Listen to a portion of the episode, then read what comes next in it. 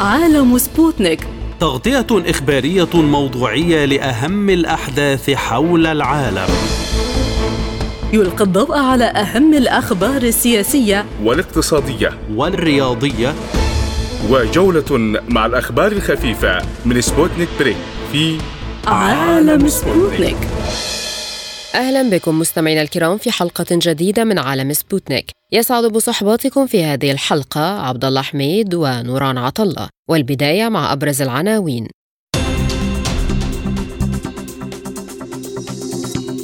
الرياض تستضيف قمة عربية إسلامية مشتركة لبحث الأوضاع في غزة. ماكرون يؤكد أن القصف الإسرائيلي على قطاع غزة يستهدف المدنيين وليس له شرعية هنغاريا تعلن معارضتها انضمام أوكرانيا للاتحاد الأوروبي. اللجنة العسكرية 5 زائد 5 تطالب بإيجاد حل للانسداد السياسي في ليبيا. اقتصاديا الأردن يؤكد أن برنامجه الإصلاحي مع صندوق النقد سيساعده على تجاوز وطأة الصراع في غزة.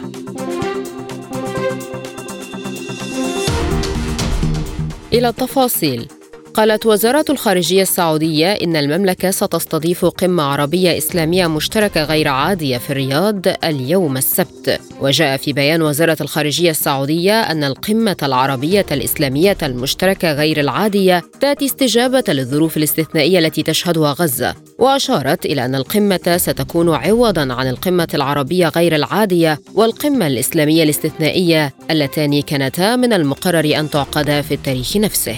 يأتي ذلك استشعارا من قادة جميع الدول لأهمية توحيد الجهود والخروج بموقف جماعي موحد يعبر عن الإرادة العربية الإسلامية المشتركة بشأن ما تشهده غزة والأراضي الفلسطينية من تطورات خطيرة وغير مسبوقة تستوجب وحدة الصف العربي والإسلامي في مواجهتها واحتواء تداعياتها وفق البيان.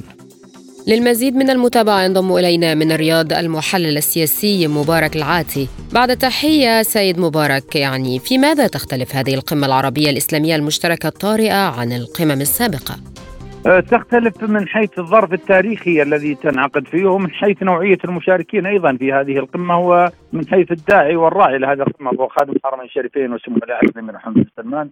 قمه في ظل وجود مذابح ترتكبها إسرائيل في دماء الفلسطينيين تجاوزت ما يقارب 11000 شهيد وسط صمت أمريكي وغربي أه، مطبق. ولذلك جاءت هذه القمة التي تنعقد في ظرف حاد يشهده المجتمع الدولي لتوحيد الموقف العربي والموقف الإسلامي وخلق موقف داعم للأشقاء الفلسطينيين.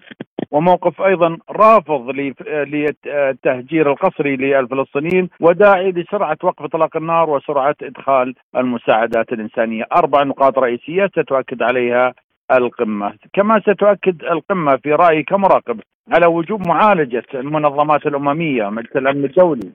موقف أيضا سيؤدي إلى الضغط على الولايات المتحدة الأمريكية لتغير من مواقفها المتناقضة وازدواجيتها في المعايير الحكم على القضايا من خلال انحيازها ومن خلال أيضا انها اختطفت مجلس الأمن الدولي إلى مصالحها من خلال استخدامها المتكرر للفيتو ضد أي قرار يتخذ ضد إسرائيل. آه، أيضا ستؤكد المنظمة التعاون الإسلامي جامعة الدول العربية في هذه القمة على على التأكيد على وجوب إعادة معالجة المنظمات الأممية الجمعية العامة المتحدة مجلس الأمن الدولي التي ثبتت عبر القضايا كلها العربية والإسلامية أنها لم تكن داعما لها للحل بل أصبح أشبه ما تكون بالمنصة لتبادل الاتهامات لكنها في الحقيقة لم تصدر قرارات حقيقية لصالح الحق العربي. أكثر من 87 قرار صدر من مجلس الأمن الدولي لم تنفذ كلها لأنها صدرت تحت البند السادس ولا أي قرار من هذه القرارات صدرت تحت البند السابع لأنها ستكون ضد إسرائيل وهذا يعني فضح النوايا الأمريكية وفضح السلوك الأمريكي المتناقض. ما القرارات التي يمكن أن تصدر عن القمة للضغط على إسرائيل والمجتمع الدولي لوقف الحرب؟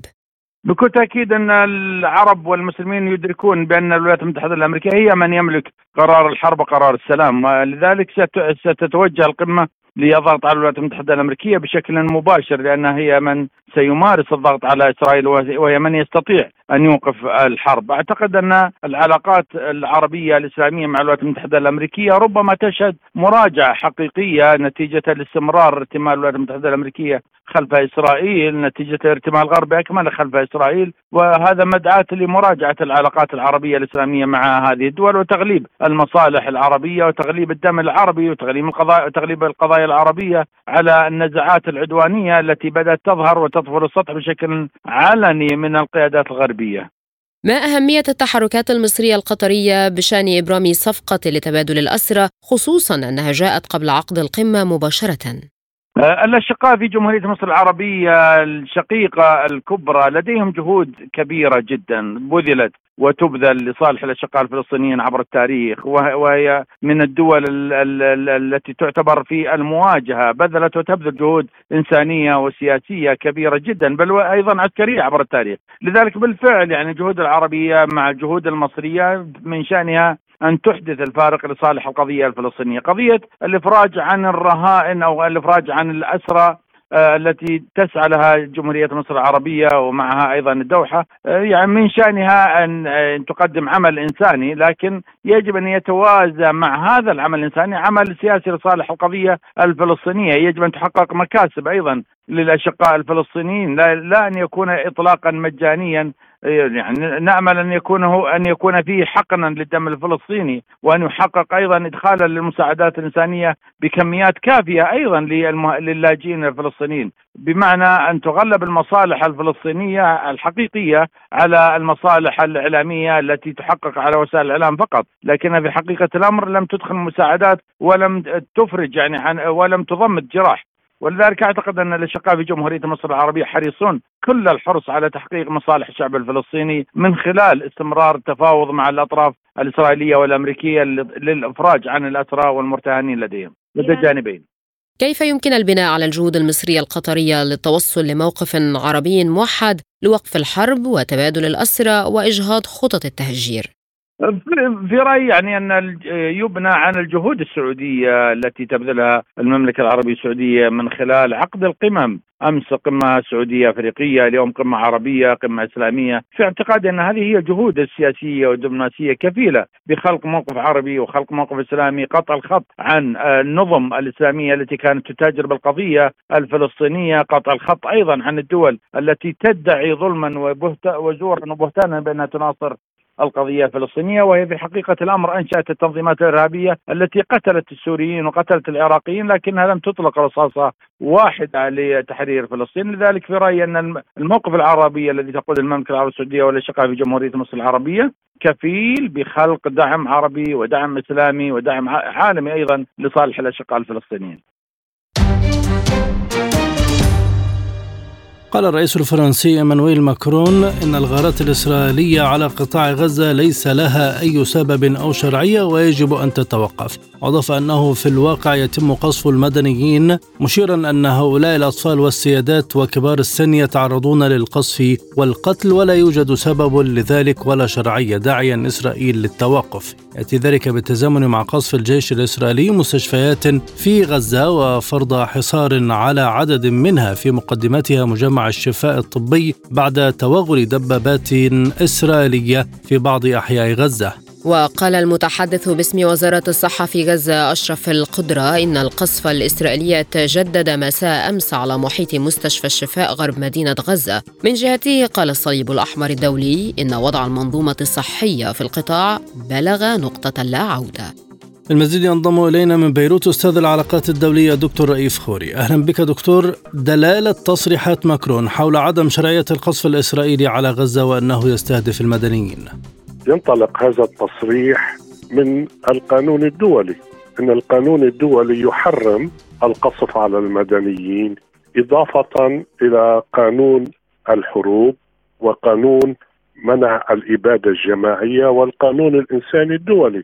فمن الواضح بأن القوانين الدولية التي رعت التشريعات المتعلقة بقوانين الحروب وقوانين الإنسانية تمنع التطاول أو القصف أو إصابة المدنيين أو حصرهم أو تهجيرهم أو منعهم منع عنهم الماء والكلاء والدواء والمأكل والمشرب.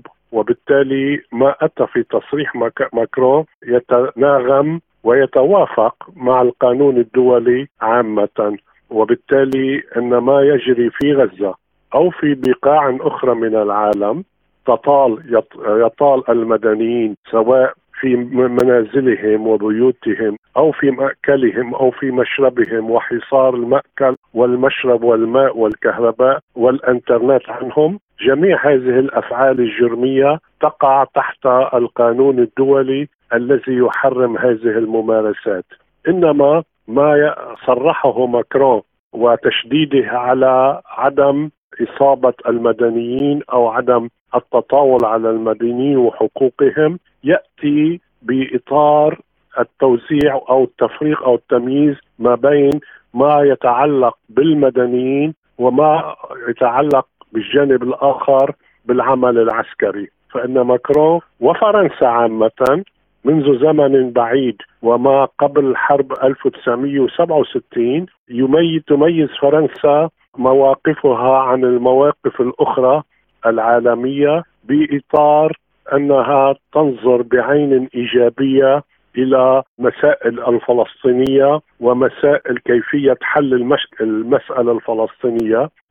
وجميعنا يعرف الموقف الجنرال ديغول في العام 1967 عندما كان ضد الحرب ووقف وقفة مميزة حينها ومنع تصدير طائرات الميراج إلى إسرائيل. وأيضا منع تصدير بعض السفن الحربية التي كانت آه، تصنع من أجل من أجل إسرائيل الدولة المحتلة.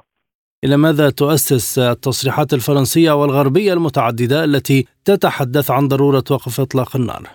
هناك فرق ما بين وقف إطلاق النار وما بين الهدن الإنسانية، ربما بعض الإعلام يستعمل كلمة وقف إطلاق النار، لا مجال للخلط وللمزج ما بين وقف إطلاق النار وهو وقف جميع الأعمال العسكرية لمدة زمنية طويلة تتجاوز الأيام وما بين الهدن الإنسانية.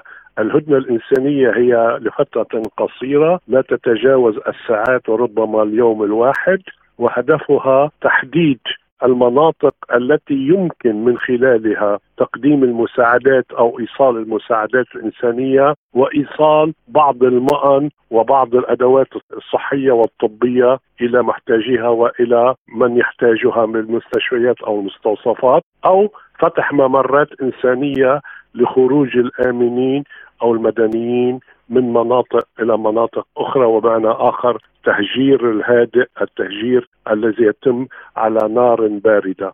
أما وقف إطلاق النار فهو يتعلق بالعمليات العسكرية عامة أو جزئيا كليا أو جزئيا وهو موقف ما زالت أوروبا وفرنسا والولايات المتحدة بعيدين جدا عن طرحه طرح وقف إطلاق النار لأنهم ما زالوا يدورون في فلق الهدن الإنسانية، هذا ما كانت عليه قمة السبع في طوكيو منذ أيام قليلة وهذا ما عن ما, ما منع من إقراره في مجلس الأمن الذي لم يستطع أن يقر أي قرار أو أن يتخذ أي قرار يتعلق بالحرب الدائرة في غزة. نتيجة الخلاف ما بين ما يسمى الهدن الإنسانية وما بين وقف إطلاق النار وهذا ما أتت عليه أيضا أتى عليه الاتحاد الأوروبي الذي لم يستطع نتيجة الخلاف بين ألمانيا والنمسا والمجر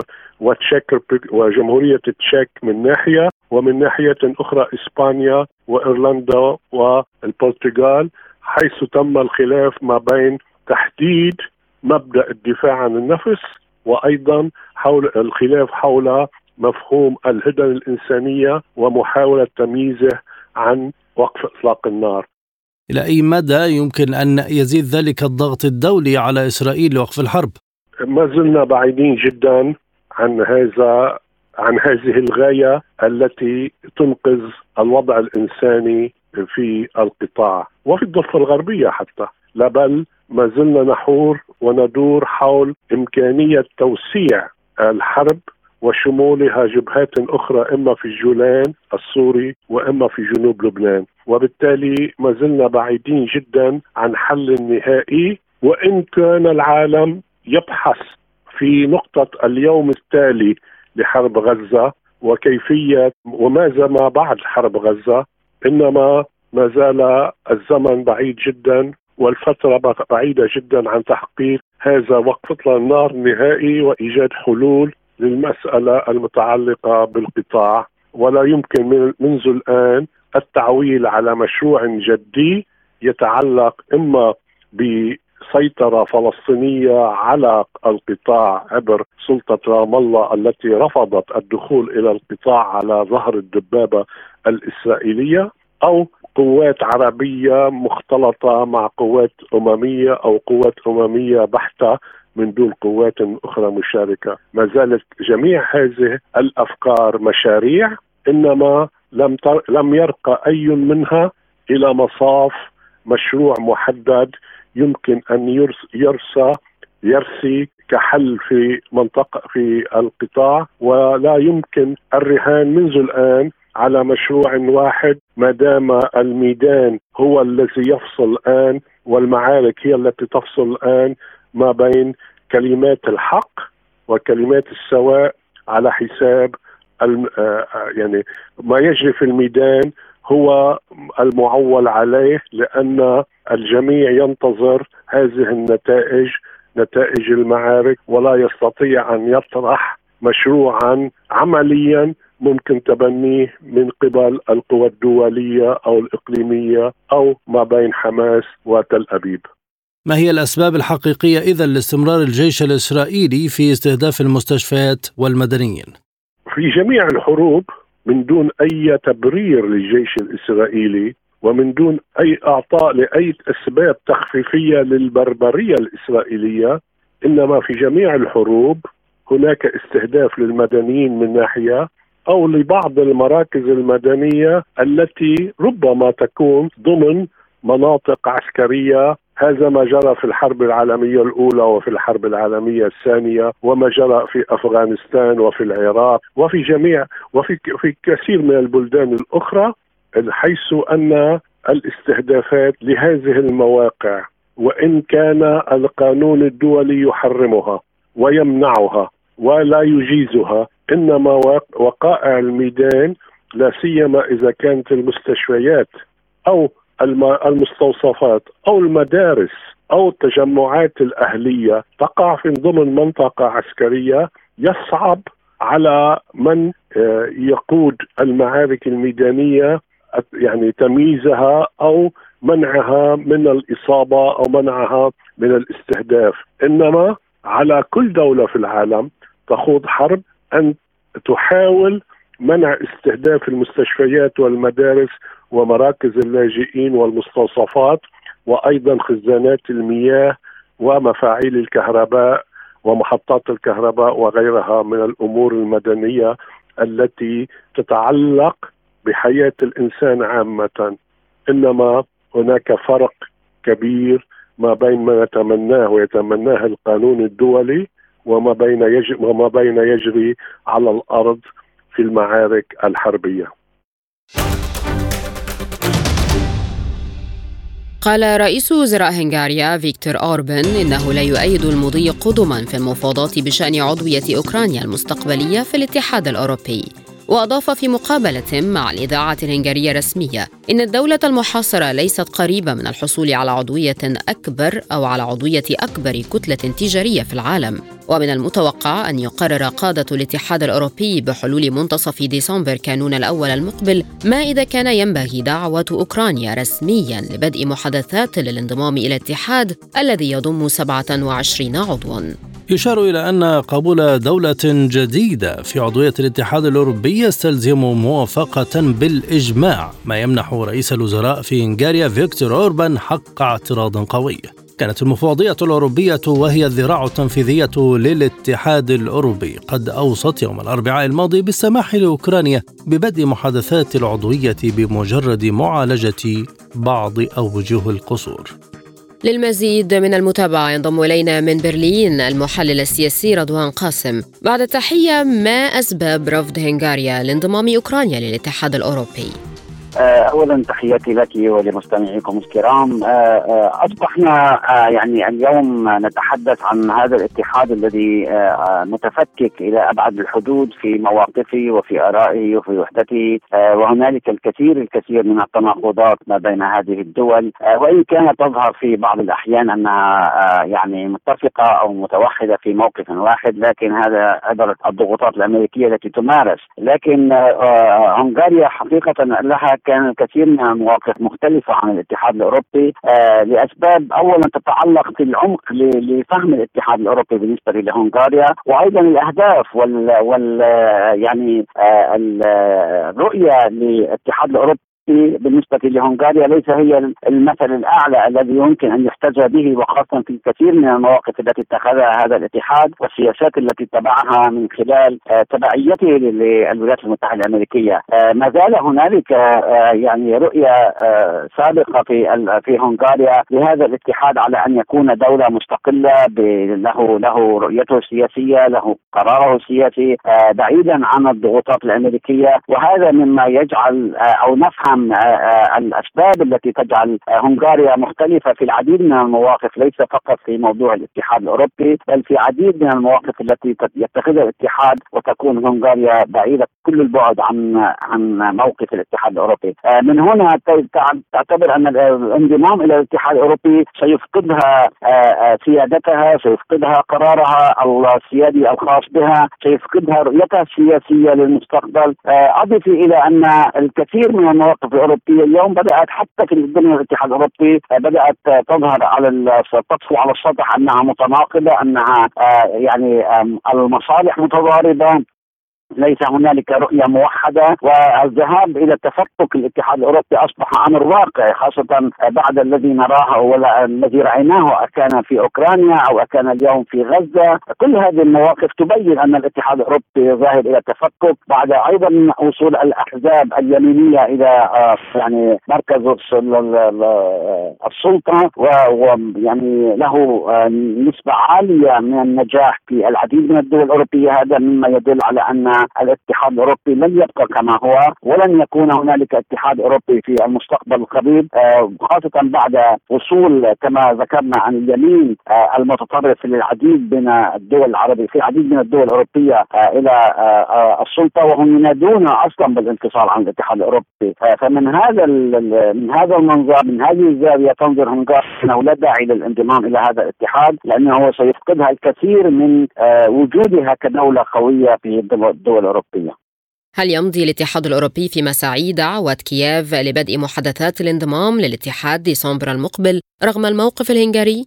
يعني دائما الاتحاد الأوروبي يحاول أن يجد لنفسه موقع ويحاول أن يجد لنفسه يعني حضور آه، بانضمام المزيد من الدول. وهو يسعى ليس فقط لهنغاريا بل يسعى أيضا إلى العديد من الدول آه، آه، دول البلقان ودول يعني الشرقية سابقا أن يضمها إلى الاتحاد الأوروبي. ووصل به الأمر إلى وصوله إلى أرمينيا يعني في بعض المواقف حتى تكون يكون عضوا كاملا في هذا الاتحاد الأوروبي لكن الفشل يعني يزداد يوما بعد يوم لهذا الاتحاد في كل المسائل التي يسعى إليها من خلال المواقف التي يتخذها. وكما ذكرت لك أن هنالك الكثير من التضارب والتناقض في دول الاتحاد رغم أن إعلانهم على أنهم يعني موحدون وعلى أن مواقفهم مجتمعة في في موقف واحد لكن الحقيقة تقول غير ذلك. هنالك الكثير من التناقضات.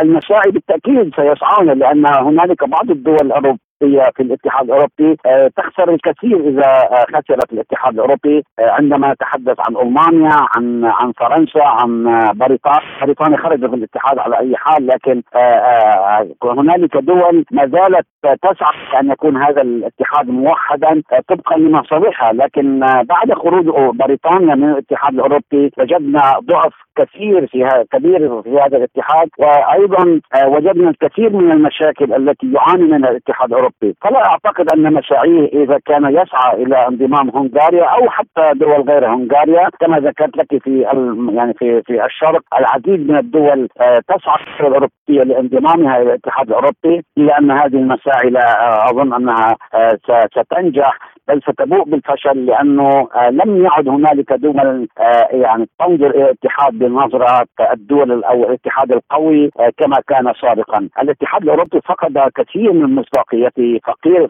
كثير من سيادته ولم يعد إلا أداة بالنسبة للعالم أداة بيد الولايات المتحده الأمريكية، فلهذا السبب ليس هنالك من من رغبة في العديد من الدول ومنها هنغاريا وعلى راسها هنغاريا آه، بأن تنضم إلى هذا الاتحاد الأوروبي، لا أعتقد انه لم يعد آه، يعني له قيمة عالية كما كان سابقا، اليوم الاتحاد الأوروبي فقد الكثير من مصداقيته، كثير من سيادته آه، وحتى من قوته العسكرية والاقتصادية، الاتحاد الأوروبي اليوم في حالة يرسى لها يعني لا يحسد عليها لا على الوضع السياسي ولا على الوضع الاقتصادي ولا حتى على الوضع العسكري. يعني رأيناه هزم في أوكرانيا واليوم يهزم أيضا في سياسته المتبعة تجاه آه، غزة آه، رغم أن الحكومات وقفت إلى جانب إسرائيل فنرى أن الشعوب آه، الأوروبية مواقفها مختلفة تماما بل تناقض سياسات الحكومات الأوروبية. وهذا إن دل على شيء يدل على أن هنالك تفكك بين الشعوب الأوروبية وبين الأنظمة والسياسات المتبعة في هذه الدول. فلا أعتقد أن لدى هنغاريا رغبه في أن تكون عضو بهذا الاتحاد الأوروبي. وإن كان الاتحاد يسعى دائما وسيحاول ويستمر في مسعاه لأن يضم هنغاريا وهي دولة أساسية ومهمة في ضمن هذا الاتحاد. وإن كان آه، ليس فقط المساعي إلى هنغاريا بل سيكون هنالك مساعي إلى دول أخرى لكن بالتأكيد ستبوء بالفشل.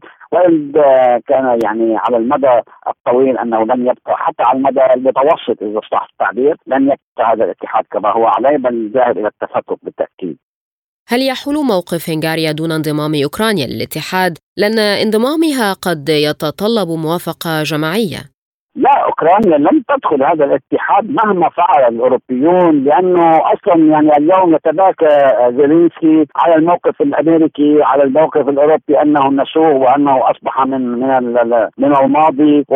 وتبين لزيلينسكي أنه كان أداة بيد الولايات المتحدة الأمريكية. الأوروبيون والأمريكيون ليس لهم اهتمام كبير في في أوكرانيا وإن كان في الإعلام وفي العلن أنهم يريدون أو يظهرون أنهم يريدون أوكرانيا عضوا في هذا الاتحاد الاتحاد الاوروبي لكن في الواقع أنه آه، لا أعتقد أن سيمكن أن يكون آه، آه، إذا يعني حتى لو دخل الاتحاد الأوروبي يعني ماذا يعني أن أن تدخل أوكرانيا في الاتحاد الأوروبي؟ واي نوع من أي أي أوكرانيا يعني يتحدثون؟ هل أوكرانيا السابقة أم أوكرانيا الحالية وربما المستقبلية؟ لأنه سنشهد أوكرانيا مختلفة تماما عما سبق. هذه من ناحية من ناحية ثانية الأوكران يسعون إلى أن يكونوا أعضاء في الاتحاد الأوروبي وفي حلف الناتو. لكن لا أعتقد أنه حتى لو دخلوا في الاتحاد الأوروبي رغم أن روسيا لم تعارض دخولهم بالاتحاد الأوروبي منذ يعني منذ البداية لكن عرضت أن يكونوا عضو بالحلف الناتو وهم يسعون إلى أن يكونوا أعضاء بحلف الناتو وهذا أمر لم يكون. فلا أعتقد أن مساعيهم ستنجح أو حتى لو نجحت لن تكون فاعلة كثيرا في دخول أوكرانيا أو انضمامها إلى آه، الاتحاد الأوروبي. هذه من ناحية. من ناحية ثانية هنغاريا بالتأكيد آه، سيكون لها موقف مختلف وبالعكس سيعقد الأمور بالنسبة للاتحاد الأوروبي دخول أوكرانيا إلى هذا الاتحاد. لأنه موقف هنغاريا ضروري ومهم آه، وخاصة ان أن هنغاريا كدولة قوية وموجودة ضمن الدول الأوروبية لها تأثير كبير. وربما يعني خلافها مع الدول الاتحاد الأوروبي ممكن أن يؤثر على العديد من الدول الأخرى. آه، فلا أعتقد أن آه، سيمكن أن تسمح بدخول آه، أوكرانيا إلى الاتحاد الأوروبي. ولا أعتقد أن أيضا هنالك إمكانية لهذا الدخول. وإن كان يعني الأوروبيون يدعون غير ذلك لأن الواقع هو أن المهم في الموضوع أن الأمريكي لن يستطيع أن يجعل أوكرانيا عضوا في هذا التحالف في حلف الناتو. وربما يعني إذا لم يكن في في حلف الناتو فلا فائدة منه. عنه في الاتحاد الأوروبي. حتى الأمريكيون عندما يتغير الرئيس جو بايدن ويأتي رئيس آخر لا أظن أنه سيبقى مهتم كثيرا بالاتحاد الأوروبي بعد هذا التراجع لهذا الاتحاد. ورأيناه في العديد من من المواقف التي اتخذها. آه، رغم الوضع الذي يعيشه الاتحاد لم يعد آه، يعني لا جدوى بالنسبة للولايات المتحدة الأمريكية، يعني لو عاد ترامب على سده الرئاسه فلن تبقى يبقى اتحاد اوروبي بل سيخرج من الاتحاد وكذلك سيعاقب آه، أوكرانيا على ما فعل، لا أعتقد أن هنالك إمكانية لدخول أوكرانيا في الاتحاد ولا أعتقد أن هنغاريا ستسمح بذلك أيضا. طلبت اللجنة العسكرية الليبية المشتركة خمسة زائد خمسة الأطراف السياسية في البلاد بإيجاد حل للانسداد السياسي الحالي نظرا لتأثيره على المشهد الأمني في البلاد جاء ذلك في بيان صدر عقب مباحثات في العاصمة التونسية بحضور المبعوث الأممي إلى ليبيا عبد الله باتيلي. تم خلال الاجتماعات عرض شامل لكافة الخطوات التي تم إنجازها سابقا بما فيها الوقف الفعلي لإطلاق النار وتقليص القوات على خطوط التماس وفتح الطريق الساحلي والطرق الأخرى وفتح الأجواء واستئناف إنتاج وتصدير النفط. وقالت اللجنة في بيانها إن اجتماعات تونس كانت لمراجعة وتقييم عمل اللجنة في تنفيذ بنود اتفاق وقف إطلاق النار ودعت كافة الأطراف والكيانات إلى الالتزام بوقف إطلاق النار وعدم القيام بأي أعمال من شأنها زعزعة المشهد الأمني في ليبيا. كما دعت كافة الأطراف السياسية الليبية للتحلي بالوطنية وتحمل مسؤولياتها باتجاه إيجاد حل للانسداد السياسي الحالي نظرا لتأثيره المباشر على المشهد الأمني ووحدة البلاد. انضم إلينا من مدينة الزاوية الليبية الباحث السياسي سيف الإسلام بن عبد الله. أهلا بك سيد الكريم. ما أهم ما تم التوصل إليه خلال اجتماع تونس فيما يتعلق بنزع السلاح وإعادة إدماج المؤسسات الليبية؟ والله الاجتماع طبعا هو اخرج مفرزات اللي هي يعني في نهاية المطاف المخرجات اللي اللي لحقت بالاجتماعات وبالمفاوضات الداخلية والفرقاء وطبعا أثبتت يعني إن الشركاء مش سائرين في طريقهم يعني إلى إلى الاتفاق في نهاية المطاف يعني. لن نجد عرقلة في الموضوع في بخصوص هذا الملف يعني. كامل الشركاء يعني في نهاية المطاف حتى على حسب الأمر الواقع ومحادثات يعني حتى ما خلف الكواليس كل الفرقاء متفقون أو ما خلف الكواليس ولكن في ال في ال في ال في حينما ما يعني ما تسلط الكاميرات وتتدخل الأطراف الخارجية في في هذا الموضوع يعني لا, لا أستبعد ربما في آخر لحظة وفي آخر دقيقة وفي الدقيقه 90 لا أستبعد أن لا يتم أي أن تمكث بعض بعض الأطراف بالاتفاق اللي اللي اتفقوا عليه في خلف الكواليس يعني. ما الذي يعرقل الذهاب إلى ما يطالب به الليبيون وحتى المؤسسات الأخرى مثل اللجنة العسكرية؟ الاطراف الخارجية واللي هي طرفين وطرفين دوليين آه لكل منهم يدعم في طرف عن طرف وكل منهم يميل لطرف عن طرف آه الأطراف الخارجية لها اليد الكبرى ولها نسبة 99.9% في عرقلة الأمور اللي هو الطرف الخارجي اليد الخارجية لا الخارجيه يعني أما الليبيون وحتى السياسيين أو اللي هم حاليا بين قوسين نقول عليهم الفرقاء. زي ما قلت لك يعني في خلف الكواليس اللي هو في حقيقة الأمر وفي باطن الأمر فهم متفقون على الاتفاق وعلى الوحدة على إخراج يعني استمارة آه، ثابتة يتفقوا عليها الطرفين. ولكن في نهاية المطاف زي ما قلت لك يعني ربما في الدقيقة 90 بعض الأطراف يمكث يمكث آه، في في يعني يمكث الاتفاق بضغط من الطرف الخارجي الذي هو يدعمه يعني أو بأمر من الطرف الخارجي خلينا نقول بين قوسين بأمر ربما أحد الأطراف هي الأطراف الخارجية لا يعجبها ما سيقوم به الليبيون فيأمر اليد التي تشتغل على أرض الواقع في ليبيا يأمرها بأن تنقص يعني الاتفاق وأن تتراجع على حسب ما اتفقوا عليه الطرفين يعني. لكن مسألة الوقت مهمة لإنهاء المراحل الانتقالية والذهاب للانتخابات إذا متى سنجد مرحلة تؤسس لعملية انتخابية؟ كنا نحن متطلعون لإجراء انتخابات في 24 ديسمبر من عامين مضوا ولكن قدر الله ما شاء فعل هذا ما حدث اتفاق جنيف كان من كان من المفترض ان أن ان ينتهي 24 ديسمبر وندخل في المرحلة الجديدة لمرحلة الانتخابات التشريعية البرلمانية والرئاسية ولكن قدر الله ما شاء فعل هذا ما حدث لنا. فحتى الحكومة الحاليه الحكومة الحالية المسيطره على طرابلس اللي هي في نهاية في نهاية الأمر تعتبر يعني حكومة ليبيا مسيطرة على ليبيا لها لها بعض التأثيرات على عدم الانتقال لمرحلة أخرى. كذلك بضغط من اليد الخارجية والطرف الخارجي الداعم الرئيسي لهذه الحكومة. طبعا ما دعم هذه الحكومة دعمها بعد 24 ديسمبر. تم تأييد هذه الحكومة من بعض الأطراف الخارجية بعد 24 ديسمبر. ولكن قبلها كانت هي عبارة عن حكومة عادية. ولكن طمع هذه السلطة طمع هذه الحكومة في البقاء والاستمرار في آه، قيادة ليبيا أو في آه، بقائها على سدة الحكم في البلاد جعلها آه، تتواطأ وجعلها تتخاذل وتنبطح لطرف اللي هو الطرف الخارجي وتنبطح له لكي هذا الطرف الخارجي يدعمها ويعني يشد على يديها ويستمر في الزج بها على أنها الحكومة الواحدة والحكومة الموحدة والحكومة التي يتفق عليها الليبيين.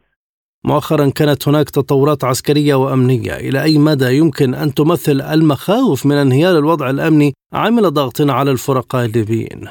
الوضع الأمني يلاحظ فيه تعافي كبير من من من حوالي سنة ونصف. ليس ليس ليس بي بي بي ليس عن طريق جدية في عمل الحكومة أو أو استتباب الأمن. لم نلاحظه طبعا. هو استتباب الأمن ما كانش آه، بصورة واضحة. ولكن كما نقول يعني آه، في تشافي كبير على السنوات الماضية استتباب الأمن وعدم آه، نشوب حروب داخلية. هذا جاء جاء عن طريق جاء عن طريق وعي وعي الشعب.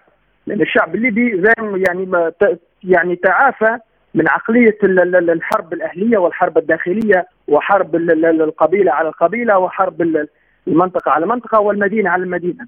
فهذا أتى عن طريق أتى عن طريق وعي شعبي وأتى عن طريق عمل قبائلي أدى إلى آه، تشافي الوضع الأمني داخل البلاد سواء في المنطقة الغربية أو المنطقة الشرقية أو كذلك حتى المنطقة الجنوبية يعني. قال وزير المالية الأردني محمد العصعص إن بلاده اتفقت مع صندوق النقد الدولي على برنامج إصلاح جديد حجمه مليار ومئتي مليون دولار على أربع سنوات. وهو ما من شأنه أن يبعث رسالة ثقة للمستثمرين ويساعد في حماية الاقتصاد من التأثير السلبي للحرب التي تشنها إسرائيل على قطاع غزة منذ أكثر من شهر. واعتبر العصعص أن البرنامج الجديد سيساعد المملكة على تكيفها على نحو أفضل مع وطأة الصراع في غزة مقارنة بمعظم الدول الأخرى كما أضاف أن هذا البرنامج وثيقة حماية من الصدمات الإقليمية التي سيتعرض لها الأردن وستحافظ على سياسته المالية والنقدية. وتعافى الأردن من تأثير الاضطرابات الاقتصادية العالمية بما فيها تداعيات العدوان على غزة. سيمكنه من المضو في النمو على الطريق المستهدف ليصل إلى 2.6% هذا العام. أوضح العسعس أن اتفاق الأردن مع صندوق النقد سيساعد في الحصول على أسعار فائدة تفضيلية من المانحين الغربيين الرئيسيين وكذلك الحصول على تمويل أرخص من أسواق رأس المال العالمية. للمزيد من المتابعة ينضم إلينا من الأردن دكتور مازن أرشيد الخبير الاقتصادي بعد تحية دكتور مازن ما هي الآثار السلبية التي سببتها الحرب في غزة على الاقتصاد الأردني؟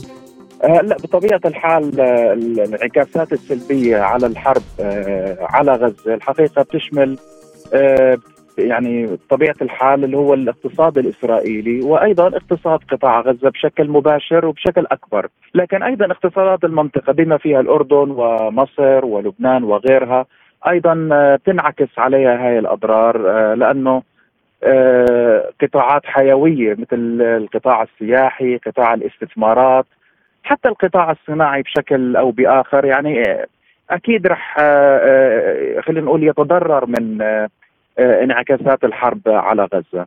الدخل السنوي في الأردن جزء بتجاوز 10% من قوة الاقتصاد لذلك بعد ما كان شهد تعافي وعودة السياح إلى الأردن خلال العام الحالي مقارنة مع الأعوام الماضية يعني ممكن مع آه، فقدان الأمان في المنطقة آه، آه، أكيد يعني السياح في العالم قد لا يتدفقوا بنفس العدد اللي كانوا عليه قبل الحرب على غزة، لذلك من المتوقع انه الدخل السياحي راح يتراجع خلال ما تبقى من العام الحالي. على الأقل بالإضافة إلى تدفق الاستثمارات. وإحنا بنعرف الاستثمارات الأجنبية لها دور في تشغيل آه، الموظفين آه، خلينا نقول العمال وتقليل نسبة البطالة. لذلك الاستثمارات الأجنبية لها دور كبير. في تعافي الاقتصاد. اليوم متوقع أنه ممكن تشهد تراجعات لأنه إحنا بنعرف أنه الاستثمار أو رأس المال آه، يعتبر رأس رأس المال يعتبر جبان بمعنى أنه لا تتجه الاستثمارات إلى مناطق تنعدم فيها الاستقرار والأمان. لذلك من المتوقع أن يكون هنالك تراجع في قيمة الاستثمارات الأجنبية في الأردن على الأقل حتى نهاية العام الحالي آه، بطبيعة الحال. ما هي الأهمية الاقتصادية لاتفاق الأردن مع صندوق النقد الدولي؟ طبعا آه، آه، صندوق النقد الدولي خلال البرنامج الحالي رح ينتهي بشهر أبريل يعني شهر أربعة من العام القادم. واضح بأنه هنالك يعني تم هنالك مفاوضات محادثات سابقة بين الحكومة الأردنية وصندوق النقد الدولي من أجل تمديد هذا البرنامج. أه بتوقع راح يستمر لثلاثة إلى أربع سنوات قادمة. تنتهي بعام 2026 أو 27 قابلة للتمديد آه، عام إضافي. أه متوقع انه يكون له دور خلينا نقول في تعميق الإصلاح الاقتصادي. ولو أنه طبعا هنالك آه، يعني آه، قد تكون نوع من التذمر من قبل المواطنين. هنالك تخوف من قبل المواطنين في الأردن أنه آه، تشمل أو يشمل برنامج الإصلاح في الأردن الإصلاح الاقتصادي. بعض الأمور المرتبطة برفع الضرائب أو برفع الدعم عن بعض السلع الأساسية. ولو إنه في تطمينات من قبل الحكومة الأردنية إنه لن يقوم هنالك أي آه، إجراء في آه، آه، يعني يتجه إلى هذا النحو اللي هو فيما يتعلق برفع الضرائب. خلال يعني تنفيذ البرنامج الاقتصادي القادم. هنالك تطمينات لكن لا أحد يعلم ماذا ممكن يحدث خلال الثلاثة سنوات القادمة هي مدة البرنامج الإصلاح الاقتصادي. هنالك محاولات أيضا من خلال هذا البرنامج آه، المساعدة على تخفيف الضغوط الاقتصادية إحنا بنعرف كان هنالك معدلات تضخم مرتفعة خلال السنوات الماضية آه، محاولة لتخفيف الاعتماد على الحصول على الديون والقروض آه، ذات تكاليف مالية مرتفعة خصوصا مع ارتفاع أسعار الفائدة. ومحاولة أيضا إعادة الاستقرار وجذب الاستثمارات الأجنبية مجددا وتدفقها إلى الأردن. لكن إحنا اليوم بنواجه تحدي جديد متعلق بتفاقم الوضع آه، أو استقرار الأمن في المنطقة. المرتبط بالحرب على غزة تحديدا. كيف يساعد هذا البرنامج الأردن على تجاوز الصدمات الإقليمية التي سيتعرض لها الأردن كما قال وزير المالية الأردني؟ يعني خلال السنوات الماضية كان هنالك فعلا آه، حسب آه، مش بس تصريحات الحكومة الأردنية أو وزير المالية لكن هنالك أيضا تصريحات تتجه نحو هذا الموضوع إنه هنالك خصوصا من صندوق النقد الدولي مؤسسات دولية أخرى مثل البنك الدولي تحدثوا بانه الأردن تمكن خلال العقد الماضي من امتصاص هذه الصدمات سواء كانت مرتبطة بأزمة كورونا أو تداعيات الحرب الروسية على أوكرانيا واليوم نواجه حرب في المنطقة على غزة تحديدا. محاولات لتخفيف الضغوط المالية على الاقتصاد الأردني وامتصاصها. حدث ذلك ولكن لا يعني ذلك بأنه آه، فاتوره الأضرار آه، لم تكن آه، كبيرة بالعكس كانت واسعة جدا. شفنا كيف إنه المديونية الأردنية عند أعلى مستويات التاريخية حتى نسبة البطالة في الأردن قريبة من أعلى مستويات التاريخية أيضا. هنالك تراجع على صعيد الاستثمارات الأجنبية في الأردن. لذلك محاولة من خلال هذا البرنامج الاقتصادي الجديد بالتعاون مع صندوق النقد الدولي تخفيف هذه الأمور اللي أصابت الاقتصاد الأردني وزيادة مناعته لتلقي الصدمات التلو الأخرى خصوصا في منطقة ملتهبة مثل منطقتنا ومنطقة الشرق الأوسط بطبيعة الحال.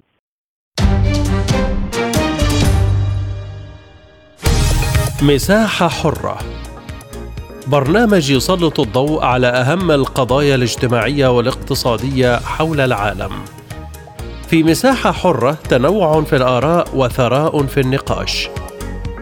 مساحة حرة يأتيكم عبر راديو سبوتنيك الاثنين والخميس من كل أسبوع.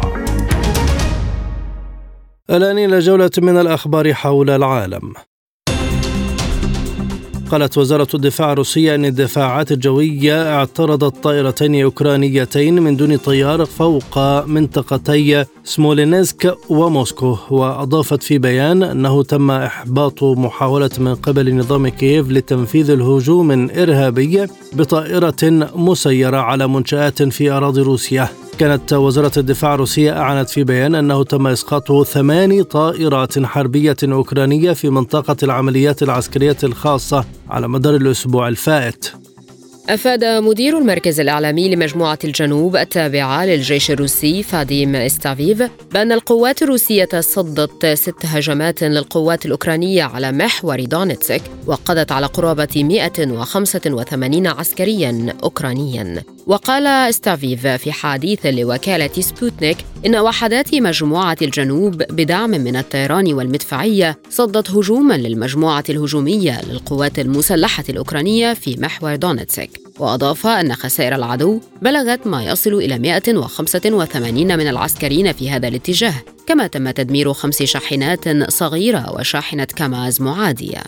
اتهم الرئيس الإيراني إبراهيم رئيسي الولايات المتحدة بعرقلة مساعي وقف إطلاق النار في غزة داعيا إلى وقف القصف الإسرائيلي على القطاع.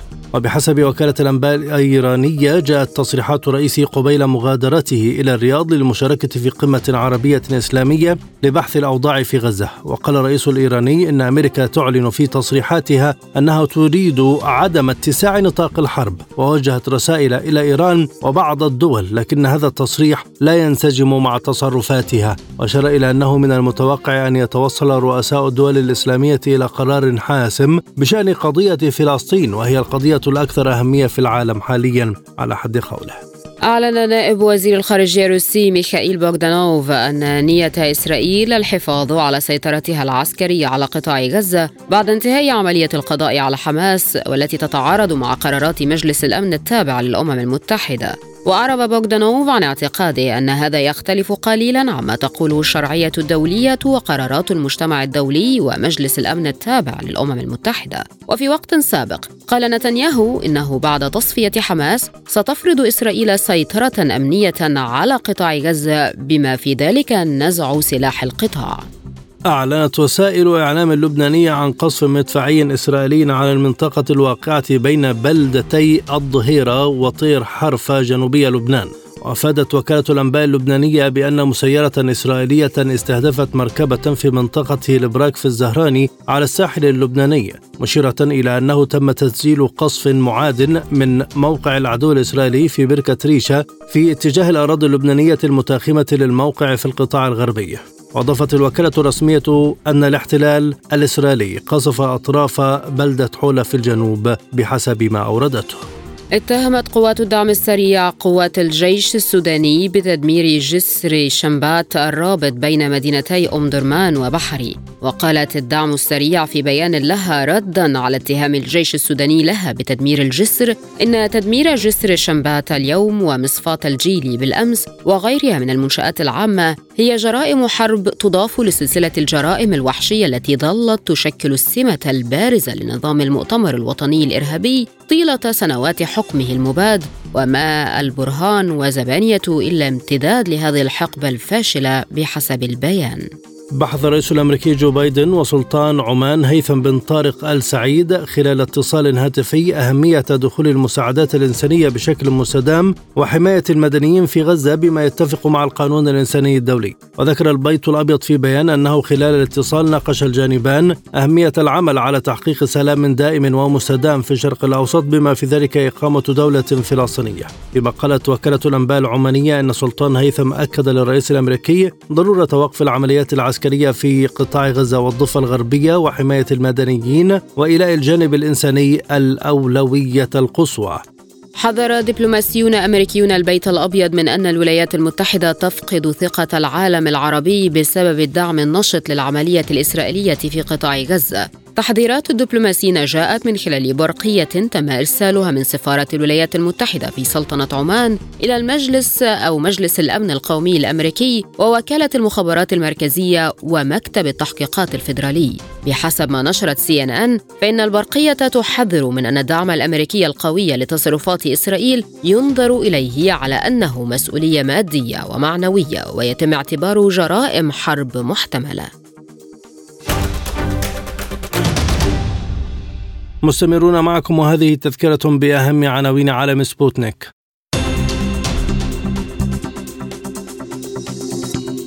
الرياض تستضيف قمة عربية إسلامية مشتركة لبحث الأوضاع في غزة. ماكرون يؤكد أن القصف الإسرائيلي على قطاع غزة يستهدف المدنيين وليس له شرعية.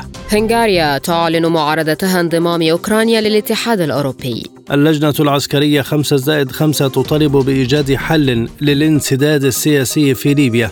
اقتصاديا الأردن يؤكد أن برنامجه الإصلاحي مع صندوق النقد سيساعده على تجاوز وطأة الصراع في غزة.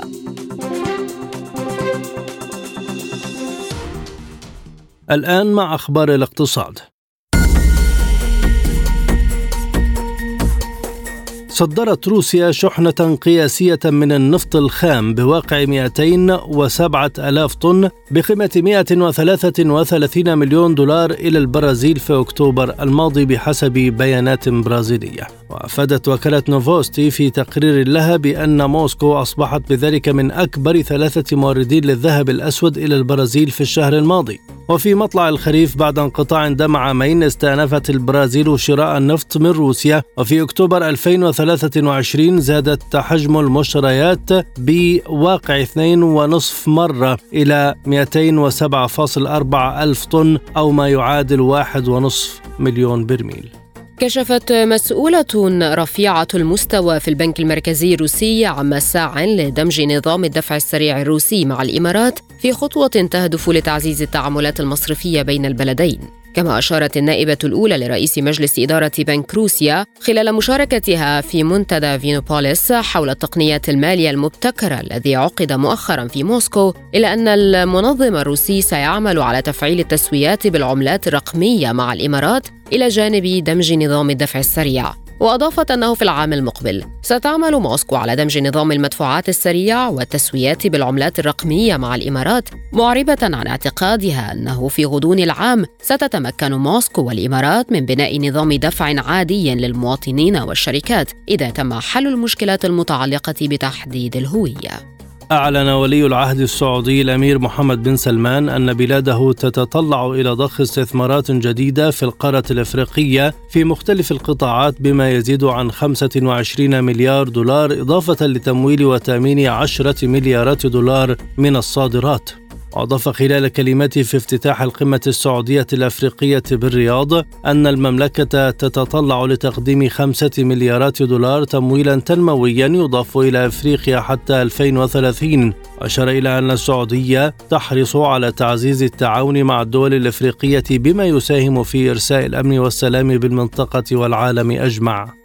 شددت وزيرة الخزانة الأمريكية جانيت يلين على أهمية العلاقات الاقتصادية السليمة بين الولايات المتحدة والصين. جاء ذلك خلال لقائها نائب رئيس الوزراء الصيني هي ليفينغ في سان فرانسيسكو وذلك في إطار قمة التعاون الاقتصادي لآسيا والمحيط الهادئ أبيك التي تعقد في المدينة الواقعة في ولاية كاليفورنيا بين الثاني عشر والثامن عشر من نوفمبر تشرين الثاني الحالي. وشددت يالن على أنه لا شيء يمكن أن يحل محل الدبلوماسية وجها لوجه مرحبة بتبادلات صريحة ومباشرة ومثمرة وبفرصة التفاعل مع نائب رئيس الوزراء على مستوى شخصي أكثر. وأعلنت أنها ستزور الصين عام 2024 بدعوة من رئيسها بعد أن كانت زياراتها في بداية يوليو تموز الماضي.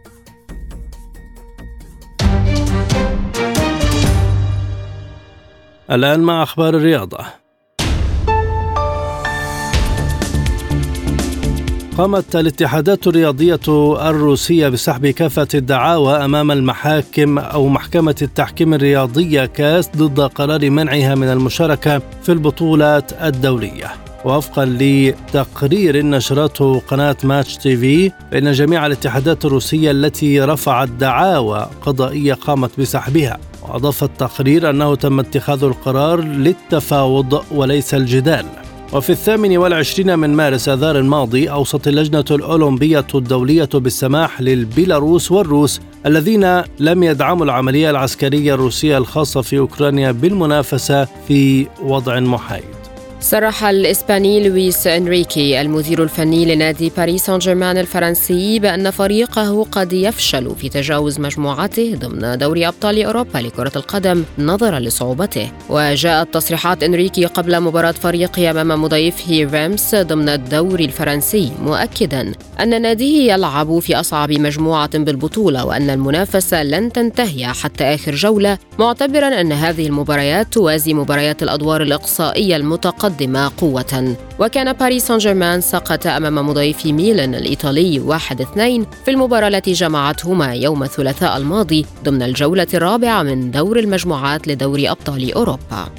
أعلنت رابطة الدوري الإنجليزي الممتاز فوز النجم المصري محمد صلاح مهاجم ليفربول بجائزة أفضل لاعب في شهر أكتوبر تشرين الأول الماضي. وحصل صلاح على جائزة أفضل لاعب في الشهر بالدوري الإنجليزي للمرة الخامسة خلال مسيرته والأولى منذ عامين بعد نوفمبر تشرين الثاني 2017 وفبراير ومارس أذار 2018 وأكتوبر 2021 تفوق محمد صلاح على الخماسي الذي ترشح معه لنيل الجائزة. وضم كل من ديكلان رايس لاعب أرسنال وكريستيان روميرو لاعب توتنهام ودوغلاس لويز من أستون فيلا وبراين مبيومو لاعب برينتفورد وبيدرو نيتو من نادي ولفرهامبتون أعلن الاتحاد الدولي لكرة القدم فيفا انسحاب منتخب إريتريا من التصفيات الإفريقية المؤهلة لكأس العالم 2026 ويخوض منتخب إريتريا غمار تصفيات كأس العالم 2026 في المجموعة الخامسة رفقة منتخبات المغرب، زامبيا، الكونغو، تنزانيا والنيجر.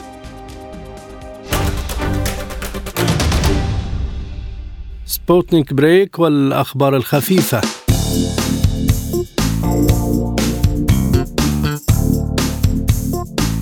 اكتشف فريق من علماء الفلك بقيادة مارك أرتيرو الباحث في قسم الفيزياء الفلكية بجامعة برشلونة مجموعة كاملة من النجوم تتحرك بشكل مختلف عن المجرة واعتبروا هذه النجوم هاربة وفي طريقها للخروج من المجرة. وأكدت الأبحاث أن مجرة درب التبانة لا تستطيع التمسك بكل نجومها إذ يتم طرد بعضها إلى الفضاء بين المجرات ويقضون حياتهم في رحلة غير مؤكدة فيما قام فريق من علماء الفلك بإلقاء نظرة فاحصة على أضخم هذه النجوم الهاربة لمعرفة ما إذا كان بإمكانهم معرفة كيفية طردهم. تشير الأبحاث في الأحداث الجيولوجية القديمة إلى أن كوكبنا لديه نبض قلب بطيء وثابت للنشاط الجيولوجي كل 27 مليون سنة تقريبا. ويتحرك نبض الأحداث الجيولوجية العنقودية بما في ذلك النشاط البركاني والانقراض الجماعي وإعادة تنظيم الصفائح وارتفاع مستوى سطح البحر بشكل بطيء بدورة مدتها 27.5 مليون سنة من المد والجزر الكارثية. لكن يعتقد الباحثون أن لدى كوكب الأرض 20 مليون سنة أخرى قبل النبض التالي. وقال مايكل رامبينو عالم الجيولوجيا في جامعة نيويورك والمؤلف الرئيسي للدراسة في بيان عام 2021 إن العديد من الجيولوجيين يعتقدون أن الأحداث الجيولوجية عشوائية بمرور الوقت لكنه أكد توفير أدلة إحصائية لدورة مشتركة مما يشير إلى أن هذه الأحداث الجيولوجية مترابطة وليست عشوائية. لا يبقى في هذه الحلقة سوى التذكير بأهم ما جاء فيها من عناوين